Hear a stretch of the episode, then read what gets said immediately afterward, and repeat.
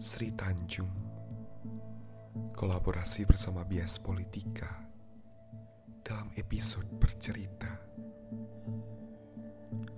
Aku duduk pada muka rumah Menanti sembari berharap cemas. Keterlibatan perang yang tidak kunjung usai. Kamu memberikan salam perpisahan Sewaktu aku belum siap pada setiap senja di ujung hari. Senja terasa gelap mulai merayap, sunyi mulai mengibas. Anak-anak itu berlarian, mengejar kemarahan ibunya, sementara aku bukan ibu, hanya istri yang masih saja menunggu untuk menanggalkan rindu yang tidak berujung. Memasuki rumah seperti neraka. Tidak tahu bedanya apa karena sama-sama sepi seorang diri. Kamu tidak tahu luka yang ku basuh pada wastafel yang karatan itu.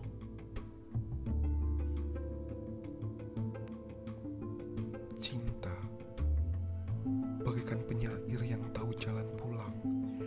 untuk segera melepas lelah.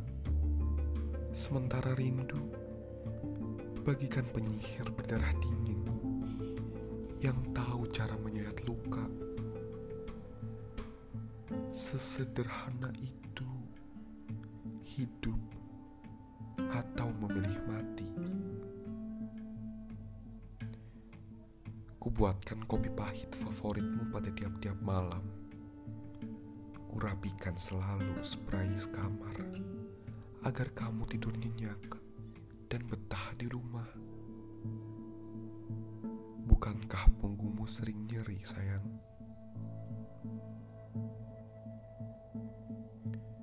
Sepuluh bulan sudah kutandai dalam kalender sobek. Sayangku akhirnya pulang. Pulang saat petang telah usai. Aku harap kepulanganmu malam ini untuk bercerita tentang perjalananmu di medan perang. Tidak lantas mangkat lagi tanpa pamit. Cukup.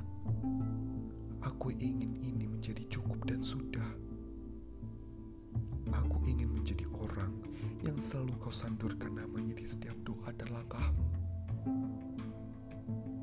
Mari ku sambut dengan kopi pahit dan spray hangat yang belum sempat kau jamah.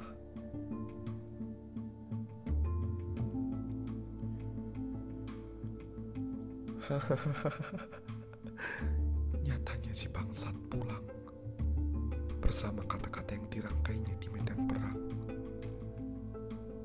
Medan, kota berperang untuk skoper juang. Sekarang rumah sudah hidup dan seketika telah dipenuhi keramaian. Ada suara tangis yang tidak pernah bisa kuberi.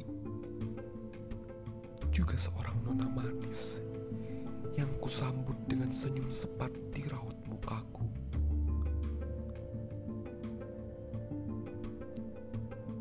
Dan kini, hari-hariku tak lagi habis untuk menunggu. Karena rasaku sudah mati. Seperti menggadaikan nyawa dengan sebuah kehidupan. Cepat atau lambat. Tubuhku juga akan habis. Digerogoti kebusukan.